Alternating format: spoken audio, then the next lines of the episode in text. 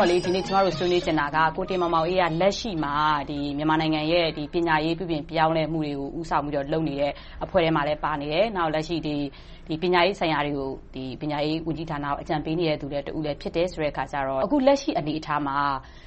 ပညာရေးနဲ့ ပတ်သက်တဲ့ ပြုပြင်ပြောင်းလဲမှုတွေက ဘယ်လောက် အနေအထားအထိကို ရောက်နေပြီလဲ။လက်ရှိ NLD အစိုးရလက်ထက်မှာ ကြိုးပမ်းအားထုတ်မှုတွေက ဘယ်လောက် အတိုင်းအတာအထိ အကောင်အထည် ပေါ်နေပြီလို့ ပြောလို့ရမလဲရှင့်။ ပညာရေးပြုပြင်ပြောင်းလဲမှုလမ်းကြောင်းကတော့လမ်းကြောင်းမှန်ပေါ်ကိုရောက်နေတာတော့ကျိန်းသေတယ်။ဘာဖြစ်လို့လဲဆိုတော့အရင် NLD အစိုးရမတက်လာခင်ကတည်းကဦးသိန်းစိန်အစိုးရလက်ထက်က CSR ဆိုပြီးတော့ပညာရေးစနစ်ကြီးတခုလုံးကိုပြန်လည်သုံးသပ်ပြီးတော့မှအနှစ် NESP မြန်မာနိုင်ငံအမျိုးသားပညာရေးမဟာဗျူဟာဆိုပြီးချပြီးတော့ဆောင်ရွက်နေတယ်။အခုလက်ရှိမှာတော့ ပညာရေးဥပဒေလည်းနှစ်ခု-၂၀၁၄အမျိုးသားပညာရေးဥပဒေနဲ့၂၀၁၅အမျိုးသားပညာရေးကိုပြုပြင်ပြောင်းလဲတဲ့ဥပဒေဆိုပြီးနှစ်ခုရှိနေပြီ။ပြီးတော့အခုန CSR ဆိုပြီးတော့အမျိုးသားပညာရေးမဟာဗျူဟာနှစ်စီမံကိန်းနဲ့လောလောဆယ်သွားနေတာဆိုရင်ခရီးတဝက်ကျိုးခဲ့ပြီလို့ပြောရမယ်။အခုနပြောသလိုဒီတဝက်ကျိုးခဲ့တဲ့အတိုင်းအတာအတွင်းမှာလဲပညာရေးအသုံးစရိတ်ကအထူးသဖြင့်ဆိုရင်အရင်တုန်းကဆိုရင်ရာခိုင်နှုန်းလောက်ကနေအခုဆိုရင်ရာခိုင်နှုန်းရာခိုင်နှုန်းနိုင်ငံတော်ရဲ့စုစုပေါင်းဘတ်ဂျက်ရဲ့အဲဒီလောက်အထိရောက်နေပြီဆိုတော့ လမ်းကြောင်းကတော့တော်တော်လေးတော့တည့်နေပြီလို့ပြောလို့ရမယ်။ဒါပေမဲ့သွားတော့သွားနေအုံးမယ်။ဆက်သွားနေတုန်းပဲ။ဒါပေမဲ့အပြင်ကကြည့်မယ်ဆိုရင်တော့ကျနော်တို့နိုင်ငံကနှစ်ပေါင်းများစွာပညာရေးစနစ်ကလစ်လျူရှုခံခဲ့ရတယ်လို့ပြောရမယ်။စနစ်တကျနဲ့ပြုစုပျိုထောင်ခဲ့တဲ့အခြေအနေတွေမရှိခဲ့တဲ့အခါကြတော့လမ်းကြောင်းမှန်နေပြီဆိုရင်တောင်မှအသီးအပွင့်တွေကိုတွေ့ရဖို့ကတော်တော်ကြီးကိုအချိန်ပေးရအုံးမယ်။ဒါပေမဲ့အခုန ဥပဒေဘက်ကကြည့်မယ်။ပေါ်လစီဘက်ကကြည့်မယ်။ပြီးတော့ နိုင်ငံတော်ရင်းနှီးမြုပ်နံှမှုတွေဘက်က ကြည့်မယ်ဆိုရင်တော့လမ်းကြောင်းကတော့ တည့်နေပြီလို့ ပြောလို့ရပါတယ်။ပြုပြင်ပြောင်းလဲမှုတွေကတော့ စတင်လုပ်ဆောင်နေပြီ။အကောင်အထည် စပြီးတော့ ပေါ်နေတဲ့ အနေအထားကိုရောက်နေပြီပေါ့။ပညာရေးစနစ်ကို ပြောကြမယ်ဆိုရင်တော့ ကျမတို့က ပညာရေးမှာ အခြေခံမူလတန်း ရှိမယ်။အလယ်တန်း၊အထက်တန်း ရှိမယ်။အခု ဒီအစိုးရလက်ထက်မှာလဲအဲဒီကဏ္ဍ အသီးသီးမှာ အဆင့်တိုင်းအဆင့်တိုင်းမှာ စပြီးတော့ ပြုပြင်ပြောင်းလဲမှုတွေ လုပ်နေတယ်ဆိုတာကို သိရတယ်။အထူးသဖြင့် ပညာရေးရဲ့ အခြေခံကတော့ မူလတန်း။အဲဒါလေးတွေကိုလည်း အသေးစိတ်နည်းနည်းဆွေးနွေးပေးစေချင်ပါတယ်။အခုလက်ရှိမှာ အခြေခံမူလတန်း ပညာရေးနဲ့ ပတ်သက်ပြီးတော့ ဘယ်လိုအပြောင်းအလဲတွေ တကယ်တမ်း အဓိက အခြေခံက ဒါပဲလေ။အဲဒီအပိုင်းမှာ ပြုပြင်ပြောင်းလဲမှုတွေ ဘာတွေရှိနေလဲ။အခြေခံပညာ မူလတန်း၊အလယ်တန်း၊အထက်တန်း-အရင်နဲ့မတူတဲ့ အခုလက်ရှိမှာ အပြောင်းအလဲက ဘာဖြစ်မလဲ။ အခြေခံပညာရေးစနစ်-အခုနပြောတဲ့မူလတန်း၊အလယ်တန်း၊အထက်တန်းကိုအခြေခံပညာရေးစနစ်ဆိုပြီးခေါ်ကြတယ်။အခြေခံပညာရေးစနစ်အောက်မှာတော့အခုနကအမျိုးသားပညာရေးမဟာဗျူဟာထဲကချမှတ်ထားတဲ့ပေါ်လစီတွေအတိုင်းကိုသွားနေတယ်။ဥပမာဆိုရင်အခုကျနော်တို့မြန်မာနိုင်ငံမှာဆယ်တန်းအထိပဲရှိခဲ့တယ်။ဆယ်တန်းကိုလွတ်ချက်ပြီးတော့ ဆရာ၊ဆရာမ ဗဟိုပြုစနစ်နဲ့ကြီးပြင်းခဲ့တယ်။ကျနော်တို့ကိုယ်တိုင်ပဲ ဒီစနစ်နဲ့ကြီးပြင်းခဲ့တယ်။အခုလက်ရှိမှာဆိုရင် ဆရာ၊ဆရာမ ဗဟိုပြုတဲ့စနစ်ကနေ ကျောင်းသားဗဟိုပြုစနစ်ကို ပြောင်းပြီးတော့ KG+12 ဆိုတဲ့ စနစ် တန်း အခြေခံပညာရေးစနစ်ကို တန်း အကောင်အထည် ဖော်နေတယ်။အကောင်အထည် ဖော်နေတာမှာ အခုလက်ရှိမှာဆိုရင် အခုလာမယ့် ပညာသင်နှစ်၂၀၁၉-၂၀၂၀မှာဆိုရင် တန်းနဲ့ တန်းကို သင်ရိုးညွှန်းတမ်းအသစ်နဲ့ စမယ်။ စခဲ့တာပြီးခဲ့တဲ့ နှစ်ကျော်ကျော်လောက်ကဆိုတော့ အခုဆိုရင် KG သူငယ်တန်း၊တန်းတန်းကတော့ ပြီးခဲ့တဲ့နှစ်ကတည်းကပြောင်းပြီသွားပြီ။သင်ရိုးညွှန်းတမ်းအသစ်တွေနဲ့ သွားနေပြီ။ပြီးတော့ အခုလာမယ့်နှစ်မှာ တန်းနဲ့ တန်းကို သင်ရိုးညွှန်းတမ်းအသစ်နဲ့သွားမယ်။ပြီးတော့ နောက်လာမယ့်နှစ်မှာဆိုရင် တန်း၊တန်း၊တန်း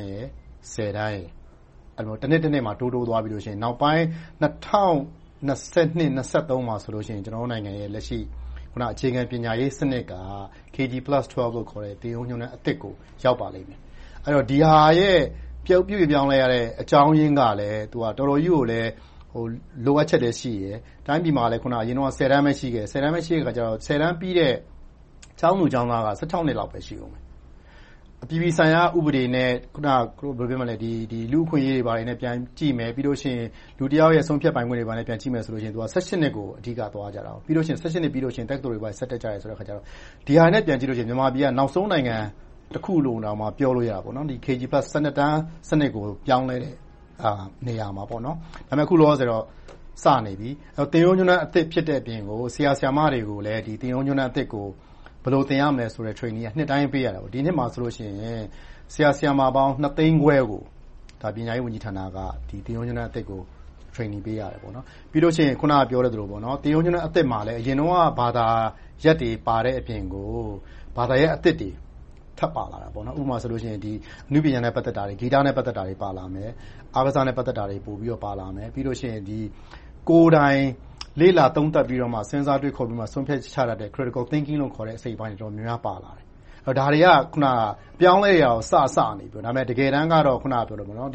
တကယ့်အပြောင်းအလဲတွေရဲ့ ရလဒ်ကို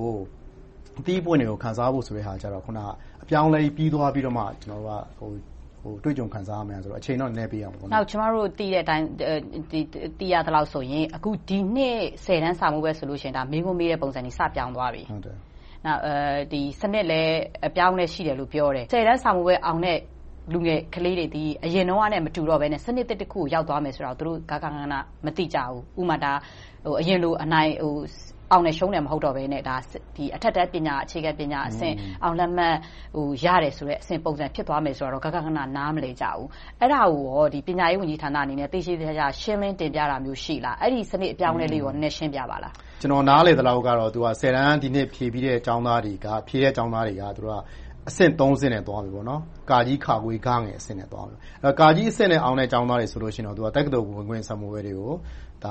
ဝင်ဖြေပြီးတော့အခုလဲတက္ကသိုလ်တွေကလည်းသူတို့ဘာသာသူတို့ရွေးချယ်တဲ့ပုံစံနဲ့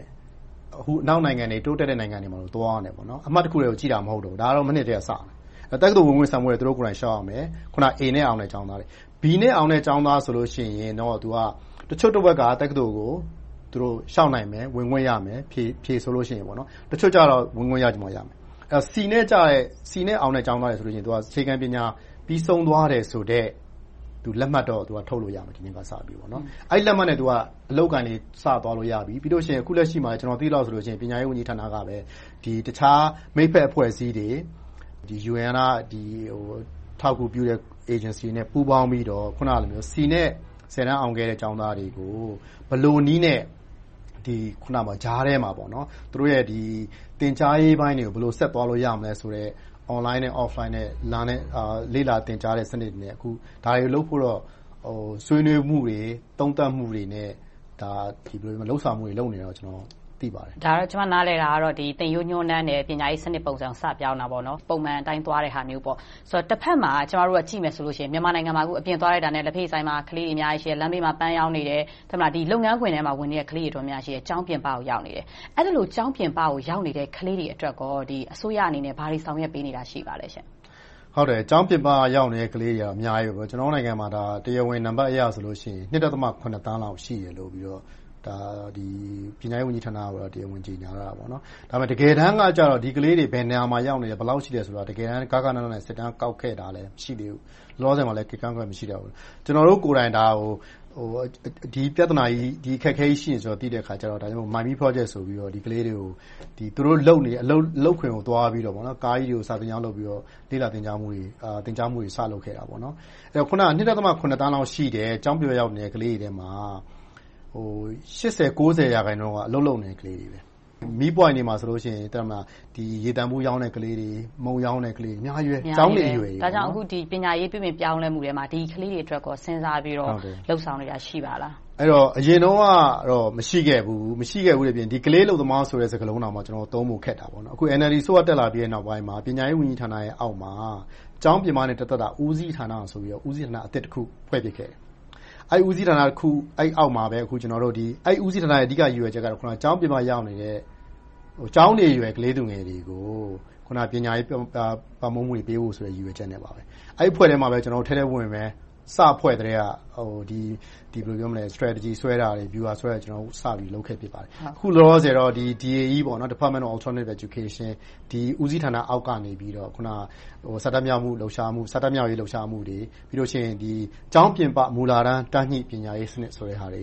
လုပ်ဖြစ်နေတယ်။ပြီးတော့ ကျောင်းပြင်ပ မူလတန်းတန်းညှိပညာရေးစနစ်ကိုလည်း စမ်းသပ်ကာလအနေနဲ့လုပ်နေတာနှစ်လောက်ရှိပြီ။အဲဒါပြီးတော့အပြင်ကနေကျောင်းတွင်းထဲကိုပြန်ဝင်လာလို့ရတဲ့နည်းလမ်းတွေ။အားရစရာကောင်းပါတယ်။ဆောင်ရွက်မှုတွေကတော့ရှိနေတယ်။ကျမတို့အချိန်ကလည်းသိပ်မရလို့ပါ။အချုပ်အနေနဲ့အခုလက်ရှိ NLD အစိုးရလက်ထက်မှာလုပ်နေတဲ့ပညာရေးပြုပြင်ပြောင်းလဲမှုရဲ့အခုလက်ရှိအတိုင်းသွားနေတဲ့ပုံစံသည်ဘယ်လောက်အထိအားရစရာရှိနေပြီလဲ။ဒီအတိုင်းဆက်သွားမယ်ဆိုရင်နောင်နှစ်ဘယ်လောက်လောက်မှာ ပညာရေးစနစ်ကဘယ်အတိုင်းအတာတစ်ခုအထိကိုရောက်လိမ့်မယ်လို့သုံးသပ်မိပါလဲ။ပွင့်ပွင့်လင်းလင်းပြောရရင်တော့ကျနော့်အနေနဲ့ဆိုရင်တော့ဒီထက်ပိုပြီးတော့ဖြစ်စေချင်တယ်။အားရကျေနပ်မှုကြီးတော့တရားရာခိုင်နှုန်းတော့မဟုတ်ဘူး။လမ်းကြောင်းကတော့မှန်နေပြီ။အခုနပြောတဲ့အမျိုးသားပညာရေးမဟာဗျူဟာအရပဲကြည့်ကြည့်။အမျိုးသားပညာရေးဥပဒေအရပဲကြည့်ကြည့်။ဒီလမ်းကြောင်းကမှန်နေပြီဆိုတော့ဘယ်အစိုးရပဲတက်တက်ဒီလမ်းကြောင်းအတိုင်းသာကျနော်တို့ဆက်သွားမယ်။ပြီးတော့တိုင်းပြည်ကလည်းလွှတ်တော်ကလည်းလိုအပ်တဲ့ဘတ်ဂျက်ကို ပြည့်ပြည့်စုံစုံနဲ့ထောက်ပံ့ပေးနိုင်မယ်ဆိုရင်တော့လမ်းကြောင်းကတော့မှန်နေပြီ။ဒီအတိုင်းဆက်သွားရင်တော့ကျနော်တို့နိုင်ငံကတကယ်ကိုနောင်မကြာတဲ့အနာဂတ်မှာတိုင်းပြည်မှာတကယ့်ကိုလိုအပ်မယ့်သားကောင်းသမီးကောင်းရတနာတွေ၊တိုင်းပြည်အတွက်တကယ့်ကိုလိုအပ်မယ့်အင်အားတွေကိုဖြည့်စွမ်းပေးနိုင်မယ်ဆိုတာကိုတကယ်ယုံကြည်တယ်။ဒါပေမဲ့တဘက်မှာလဲဒီဟာကြီးကအစိုးရတခုတည်းကိုထားခဲ့လို့တော့မရဘူး။ပညာရေးဝန်ကြီးဌာနတခုတည်းကိုပစ်ထားခဲ့လို့တော့မရဘူး။ပညာရေးဝန်ကြီးဌာနဆိုတာစနစ်အဟောင်းကြီးကနေထိုးဖောက်ဖို့ ကြိုးစားနေတဲ့အဆင့်မှာပဲရှိနေသေးတဲ့အခါကြတော့ကျနော်တို့အကုန်လုံးဝိုင်းလုပ်မှရမယ်။အခုနမိဘဆရာအသင်းထဲမှာမိဘတွေကိုယ်တိုင်ဝင်ပြီးတော့ထဲထဲဝင်လုပ်ဖို့ပံ့ပိုးပေးဖို့လိုလိမ့်မယ်။ပြီးတော့ပညာရေးစနစ်အဟောင်းမှာအလွတ်ကျက်ပြီးတော့သားသမီးတွေတတွတ်တွတ်အော်ပြီးတော့မှအကျယ်ကြီးဆိုနေမှမိဘတွေတချို့ကစာတတ်တယ်၊စာကျက်နေတယ်၊စာသင်ကြားမှုတွေဖြစ်နေတယ်လို့ထင်နေတဲ့အတွေးအမြင်တွေကိုတနည်းတဖုံနဲ့ပြန်ပြီးတော့သုံးသပ်ဖို့လိုလိမ့်မယ်။နောက်ဆုံးပြောချင်တာကတော့ကျနော်တို့နိုင်ငံရဲ့ပညာရေးစနစ်က နှစ်ပေါင်းများစွာလစ်လျူရှုခံခဲ့ရတဲ့ သစ်ပင်ကြီးလို ဖြစ်နေတယ်။အဲဒီလို သစ်ပင်ကြီးကအသီးအရွက်တွေလည်း မရှိတော့ဘူး။ဖူးပွင့်လည်း မရှိတော့ဘူး။သစ်ပင်ကြီးပဲ ငုတ်တုတ်ကြီးပဲ။ဒီသစ်ပင်ကြီးကိုအခုပြန်ပြီးတော့ ဝေဝေဆာဆာနဲ့ အသီးအပွင့်တွေ ဖြစ်လာအောင် စလုပ်တဲ့အဆင့်မှာပဲ ရှိသေးတယ်။အဲဒီတော့ အောက်ပိုင်းက ရေသောက်မြစ်ကတော့ ခိုင်ခိုင်မာမာ ရှိတုန်းပဲ။ကျနော်တို့နိုင်ငံ မြန်မာပြည်ကတကယ့်ကိုပညာရေးဆိုရင် မိဘ၊ဆရာ ဘယ်သူမဆိုတကယ့်ကို ထိပ်ဆုံးမှာ အထွဋ်အမြတ်ထားကြပါတယ် ပညာတတ်ဆိုတဲ့ဟာကကျနော်တို့နိုင်ငံအတွက်အရမ်းကိုတန်းဖိုးရှိတဲ့စကားလုံး။အဲဒီတော့အခုအဆက်အပြောင်းအလဲတွေဖြစ်တာကနှစ်နှစ်လောက်ပဲရှိသေးတဲ့အခါကြတော့ဒီအသီးအပွင့်တွေနဲ့အရွက်တွေဝေဝေဆာဆာဖြစ်လာဖို့အချိန်တော့နည်းနည်းပေးရအုံးမယ်။ဒါပေမဲ့ပြောနိုင်တာကတော့အောက်ဘက်မှာရေသောက်မြစ်ကတောင့်တောင့်တင်းတင်းရှိနေပြီ။အခုလိုအပ်တဲ့သဘာဝဓါတ်မြေသြဇာတွေနဲ့ရေတွေလည်းအခုလက်ရှိ NLD အစိုးရသစ်မှာစပြီးတော့လုံလုံလောက်လောက်နဲ့ပေးနေပြီဆိုတဲ့အခါကြတော့တချိန်မဟုတ်တချိန်ကြရင်တော့ပညာရေးသစ်ပင်အိုကြီးက ဝေစာလာလိမ့်မယ်လို့ကျနော်မျှော်လင့်ပါတယ်။ဟုတ်ကဲ့ ကျေးဇူးအများကြီးတင်ပါတယ်ရှင်။